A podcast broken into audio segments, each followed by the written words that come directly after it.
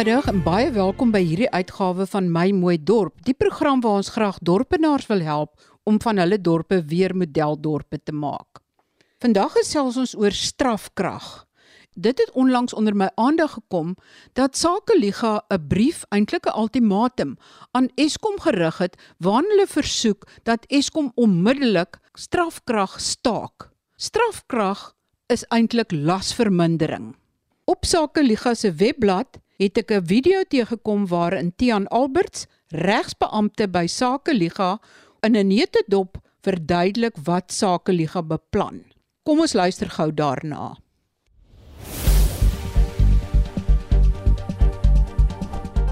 Eskom is besig om nou vir maande lank in geteikende areas elektrisiteitstoevoer af te sny. Hulle beweer hulle doen dit om hulle eie netwerk te beskerm waar daar verskeie onwettige koneksies op die lyne is in hoë digtheidsareas. Nou, hierdie is nie beerkrag nie. Hierdie is 'n addisionele vorm van lasvermindering wat Eskom toepas op geteikende toevoerlyne. In die proses word betalende eindgebruikers, baie dikwels boere, klein besighede in landelike gebiede benadeel en hulle produksieprosesse omvergewerp en hulle toerusting word beskadig. Sakeliga glo dat Eskom besig is om die weg van minste weerstand te volg hier deur eerder betalende eindgebruikers as sagte teikens te benadeel as om daadwerklik te gaan en onwettige koneksies van die lyne te gaan verwyder. Sakeliga het reeds in die verlede suksesvol teen Eskom gelitigeer, juist sodat die eindgebruiker op 'n ongegronde en onwettige wyse benadeel het omdat hulle nie hulle eie sake in orde kon kry nie. Nou dit mag dalk nou weer tyd wees om teen Eskom te litigeer. Sakeliga het vandag 'n aanmaning aan Eskom gestuur en en vir hulle 10 dae gegee om hierdie onwettige praktyk van lasvermindering stop te sit. Indien Eskom nie aan Sakeliga se eise gehoor gee nie, sal ons die Hooggeregshof in Pretoria nader vir gepaste regshulp. Indien jy deur onwettige lasvermindering geteiken word, nooi ons jou uit om lid te word van Sakeliga, deel te word van ons netwerk en jou storie met ons te deel. Besoek ons webblad vir meer inligting oor hierdie saak. My naam is Tiaan Alberts en hier is 'n vinnige terugvoer oor ons beplande litigasie teen Eskom oor onwettige lasvermindering. Nou gesels ek met Tiaan Alberts oor strafkrag. Baie welkom Tiaan. Dankie Marie. Tiaan, kan jy vir ons net voordat ons begin en oor die detail van die saak praat, net verduidelik wat is strafkrag? Die strafkrag is geteikende kragonderbrekings wat op geteikende lyne in die land toegepas word waar die krag elektrisiteitstoevoer heeltemal gestop word op daai lyne. En dit moenie verwar word met beerdkrag nie. Die nasionale eh, stelsel van beerdkrag nie. Strafkrag word boonbehalwe beerdkrag toegepas. Strafkrag of die meer korrekte regstegniese term daarvoor is lasvermindering. Nou lasvermindering word gedefinieer in wetgewing elektrisiteitswetgewing in Suid-Afrika en per definisie kan lasvermindering nooit neerkom op 'n geheel afskaffing of geheel stuiting van elektrisiteitstoevoer nie. In praktyk sien ons wel dat elektrisiteitstoevoer in geheel en al opgeskort word uh, op sommige lyne. Met ander woorde, Eskom oorskry in praktyk die perke wat hulle mag doen in terme van lasvermindering. Nou baie belangrike uh, komponent in verduidelik van lasvermindering is dat die rede wat Eskom aanvoer waarom hulle lasvermindering doen is omdat hulle beweer dat op daai spesifieke lyne hulle stelsels oorlaai is weens die oormaat las op die stelsels. Las verwys na al die toestelle, die huise en so aan wat aan die netwerk verbind is hulle beweer dat hulle netwerk oorlaai word en hulle met die las verminder of in praktyk soos ons sien die elektrisiteitstoevoer heeltemal staak om die netwerk te beskerm. Hoe het dit gekom en hoekom rig julle hierdie brief aan Eskom? Is daar mense of besighede of boere wat skade ly weens hierdie lasvermindering? En amper 'n tweede vraag hieroor is speel onwettige verbindings enigsins 'n rol in hierdie verband? Ja, Marie, onwettige ontbindings lê aan die kern van die probleem hierso, maar ook nie eintlik nie. So Eskom praat van onwettige verbindings op die lyn wat hulle moet verwyder voordat lasvermindering gestop kan word. Uh maar die probleem is eintlik tweeledig. In eerste instansie het Eskom oor die laaste 15 jaar omtrent geen instandhouding gedoen op hulle lyne nie om aan wettige of onwettige 'n toename in las voorsien nie. Die tweede instansie kry ons die idee dat Eskom nie van voorneme is om onwettige verbindings op die lyne te gaan afhaal nie. Daar kan verskeie redes daarvoor wees, maar dit blyk makliker te wees om wettige verbindings of uh, betalende eindgebruikers te straf as om die miskien polities onpopulêre keuse te maak om onwettige verbindings te gaan verwyder. Het hierdie strafkrag dan 'n impak op boere, op sakegemeenskappe? Het dit 'n negatiewe uitwerking op van hierdie besighede? Ja, absoluut en dit is hoekom Sakeliga betrokke geraak het uh, in belang van daai boere en en sakeondernemings. Daar's 'n paar uh, gevolge van lasvermindering. Eerstens is belangrik om te noem baie gereeld word dit nie vooraf aangekondig nie. Die elektrisiteit word eenvoudig afgeskakel of toevoer word gestaak. Nou met produksieprosesse op plase en by nywerhede wat gebeur is dat uh, produksieprosesse eenvoudig tot 'n stilstand knars. Toerusting word beskadig. Ons het opname onder lede en ehm um, lede van Agri Noordwes en DLE Suid-Afrika wat ons bystaan in die saak en waarvoor ons dankbaar is. Ons werk saam met daardie landbouorganisasies. Nou die peiling wys vir ons wat ons besig is mee en die antwoorde stroom nog in soos wat ons praat, maar uh, dat daar miljoene rande se skade aangerig word aan toerusting weens uh, lasvermindering. Die ander probleem is dat uh, sekuriteitsmaatreëls kan nie gehandhaaf word nie. Ons kyk na gebiede waar reeds groot veiligheidsprobleme is en uitdagings is en die veiligheidsoplossings wat deur boere en besighede geïmplementeer word is afhanklik van elektrisiteit. So lasvermindering speel daar ook 'n rol. Natuurlik is daar 'n verlies aan sakesekerheid in die gebiede waar lasvermindering toegepas word. Ons weet van besighede wat al besigheidsaktiwiteite onttrek het en elders heen geskuif het weens lasvermindering. So die skade uh, is moontlik nie heeltemal kwantifiseerbaar nie en die rimpel-effekte ook nie julle het nou vir Eskom gevra om dit heeltemal te staak. Wat moet Eskom doen om seker te maak dat daai lyne wel die las kan dra wat nou op daai lyne is? Wel, in eerste plek is ons nie seker hoe geloofwaardig Eskom se bewering is dat uh oormaat las uh die netwerk of die infrastruktuur kan beskadig nie dit is nie duidelik of dit wel uh, die geval is nie. Dit is een van die punte waarop ons hulle waar ons bewyse gaan nodig het dat dit wel so is. Wat Eskom moet doen en wat ons vir hulle vra om te doen is ons wil vir hulle geleentheid bied en ons het in ons aanmaning om die audits op die lyne te doen wat hulle al vir maande lank onderneem hulle gaan doen wat hulle nie doen nie. Om audits te gaan doen en vas te stel waar is daar verliese aan las op die lyn? Waar is daar onwettige verbindings aan die lyne. En om daai audits af te handel binne 3 maande, soos hulle voorheen aangedui het, daarna te gaan en daadwerklik die onwettige verbindings op die lyne te gaan verwyder. Dis wat ons verwag van Eskom wat hulle moet doen. En in die tussentyd sou hulle lasvermindering moet toepas, moet hulle dit doen volgens wetlike voorskrifte. Lasvermindering kan nooit 'n totale eh, staking in toevoer van elektrisiteit behels nie.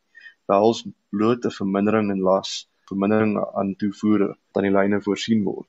Uh, Tian, ek het van vorige gesprekke juis op hierdie program verneem dat as 'n dorp of 'n gebied in die winter meer elektrisiteit nodig het omdat dit nou verwarmers is wat aangesit moet word en so meer. Dan moet hulle aansoek doen by Eskom of Eskom in kennis stel. En dat baie van hierdie munisipaliteite dit nie doen nie en dan verskaf Eskom ook nie genoeg krag in die winter nie. Speel dit enigsins 'n rol by julle dat die munisipaliteite of die gebiede nie betyds ook vra vir groter Eskom toevoer nie of speel dit glad nie 'n rol nie? In hierdie geval speel dit nie 'n rol nie want die geaffekteerdes waarmee ons hier werk koop almal direk elektrisiteit aan by Eskom. Met ander woorde nie deur die munisipaliteit nie. So dit is 'n kontraksuele verhouding wat bestaan tussen Eskom en daardie boere en besighede waar Eskom eensydig gaan en die elektrisiteitstoevoer staak. Uh, en dan natuurlik is Eskom verbonde aan wetgewing wat sodanige lasverminderings reguleer. Sou dit 'n rol gespeel het? Uh, weet ons in elk geval dat Eskom nie toevoer aan betalende eindgebruikers mag staak weens enige foute wat die munisipaliteit maak nie. Dit is vasgestel in die Hooggeregshof van Appel 2 jaar gelede waar Sakeliga ook betrokke was tussen Resilient en Eskom. En die bevinding daar is dat Eskom of enige staatsorgaan mag nie 'n eindgebruiker, betalende eindgebruiker benadeel weens 'n dispuut met 'n ander staatsorgaan soos 'n munisipaliteit. In hierdie geval is dit 'n uh, geaffekteerdes wat direk elektrisiteit by Eskom aankoop. In baie gevalle sien ons trouens dat die elektrisiteit vooraf betaal is uh, en dan waar die toevoer eenvoudig gestaak word sonder vooraf kennisgewing. Ek wil net vinnig terugkom na daai dat al skuld die munisipaliteit Eskom geld en die munisipale gebruiker het wel sy rekening betaal, dan mag Eskom nie die krag afsny na die hele munisipale gebied nie. Word dit nie tans op appel geneem nie of is die appel reeds verwerp dat daai punt staan? Daar was twee gelyklopende sake gewees, albei is in die Hooggeregshof van Appel. Uh Eskom het verloor in beide daai sake in die Hooggeregshof van Appel en hulle het nie verlof gekry om te appeleer in die konstitusionele hof nie. Met ander woorde, die saak is tot finaliteit gebring. Nou, die boer het sy rekening betaal, hy het selfs vooraf betaal en nou kry hy lasvermindering en soms word die krag heeltemal afgesny. Is dit net boere in die Noordwesgebied of is dit oor die hele land wat dit gebeur?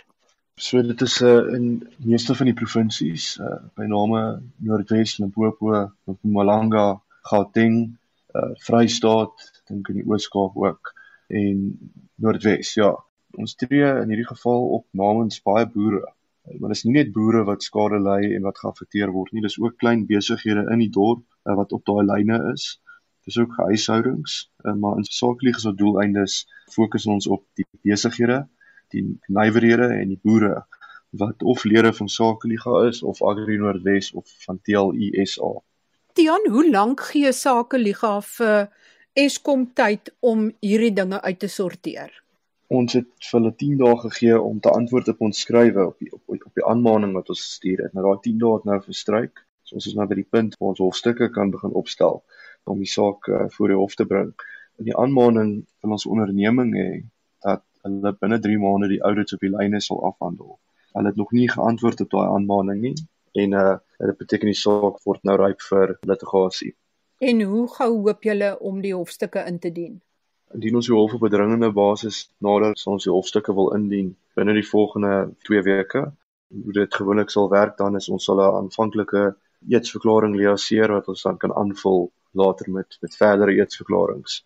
Is julle hoopvol dat die hof dit as dringend sal aanvaar en aanspreek want ek kyk byvoorbeeld in Parys waar daar groot probleme met watersuiwering en watervoorsiening is, is daar ook 'n dringende hof aansoek gebring en die hof het 2 weke en 3 weke later nog nie eens e gesê nie. Dringendheid is 'n moeilike een, dit hang baie af van die feite. En uh, met water en, en elektrisiteitssake is die hof nogals geneig om dringendheid te aanvaar. Die probleem met dringendheid is dat daar gedemonstreer moet word dat uh, daar werklike regte lewe impak en benadeling is vir geaffekteerdes wat dringend aangespreek moet word. Ons gaan nie sommer hof toe op dringende grondslag as ons nie tevrede is dat ons 'n redelike kans staan om aanvaar te word op dringende grondslag nie. Maar hierdie sake, dit lyk of daar gaping hier is vir dringendheid. Tian, is daar ander sake wat Sake Liga ook op die oomblik aan aandag skenk? Ek verneem dat jy aansoek gedoen het om basies die boeke te sien van die 150 plus munisipaliteite wat regtig waar baie swak gevaar het, maar dat die ouditeur-generaal hierdie aansoek teëgestaan het, kan julle dink aan enige rede hoekom die ouditeur-generaal so iets teë staan? Is dit dan nie eintlik in openbare belang dat hierdie boekhouding beskikbaar gestel word aan die publiek of aan die sakeliga nie? Ja, Marie, uh, Artikel 188 van die Grondwet bepaal dit baie duidelik dat alle alle verslae wat die ouditeur-generaal voorberei moet aan die publiek bekend gemaak word. Die ouditeur-generaal het aangedui dat dat hulle saakliga se hofaansoek gaan opneer. Die hofaansoek vra vir 154 munisipaliteite se bestuursverslae wat die ouditeur-generaal voorberei. Nou die bestuursverslae is anders as die algemene auditverslae wat die ouditeur-generaal ten opsigte van elke munisipaliteit elke jaar publiseer. Die bestuurverslag uh, gaan nogals 'n besonderhede in oor die probleme in die dorp, wie is verantwoordelik daarvoor en watter aanbevelings van die ouditeur-generaal wat oor die jare gemaak is nie geïmplementeer word nie. Dit verskil van die oorsigtelike verslae wat wel gepubliseer word. So ons vra vir 154 munisipaliteite se gevorderde bestuursverslae.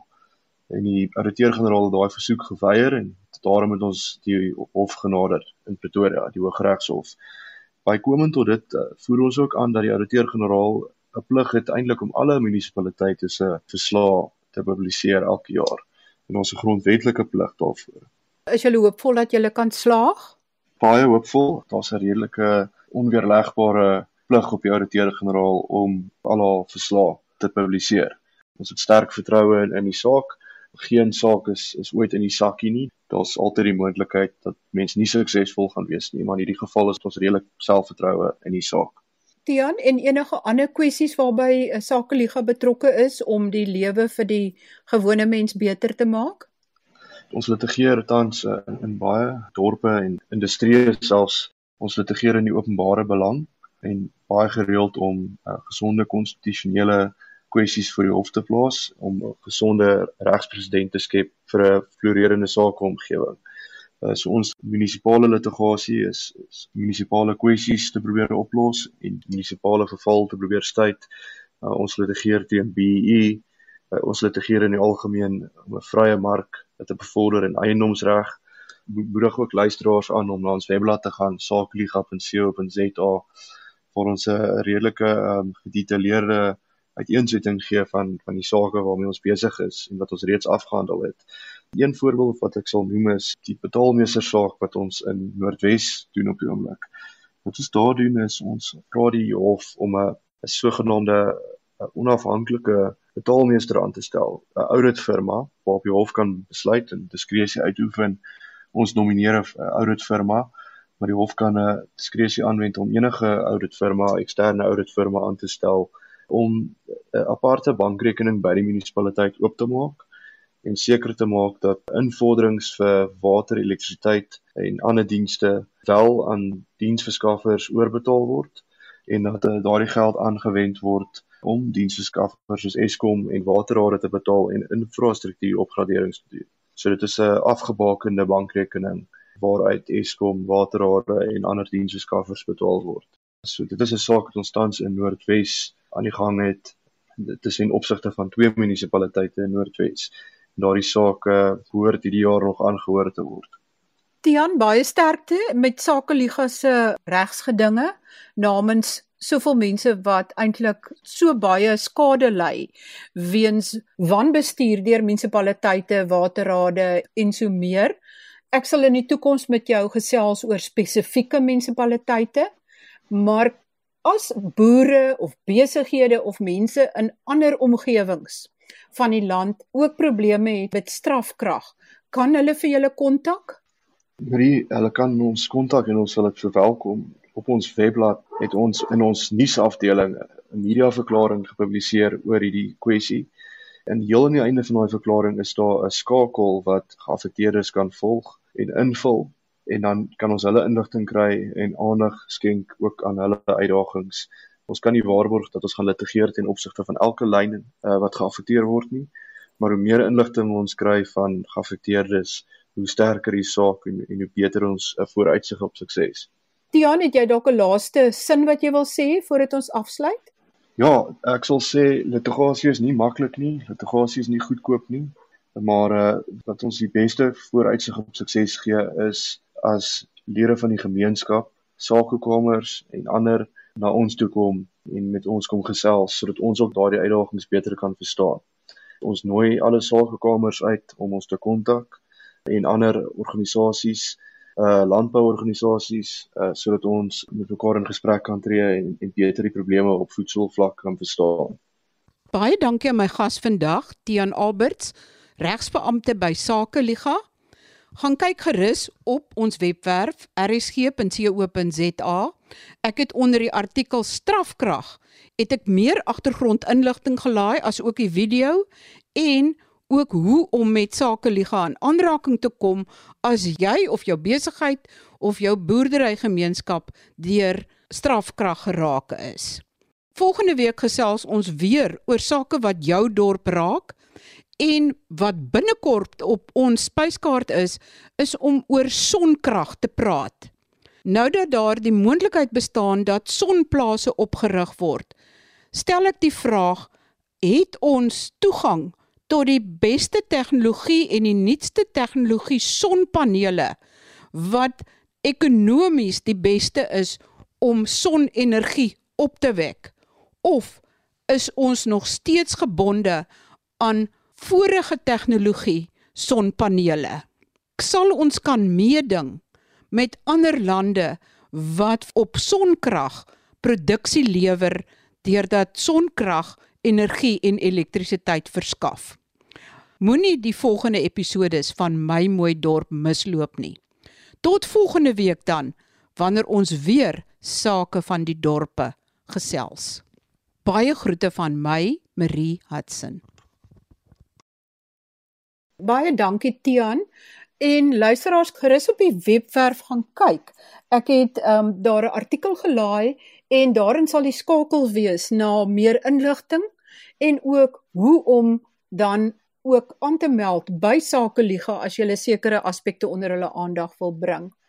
Baie dankie aan my gas vandag, Tian Alberts, regsbeampte by Sakeliga en dan gesels ons volgende week weer oor sake wat jou dorp kan raak. Baie groete van my, Marie Hudson.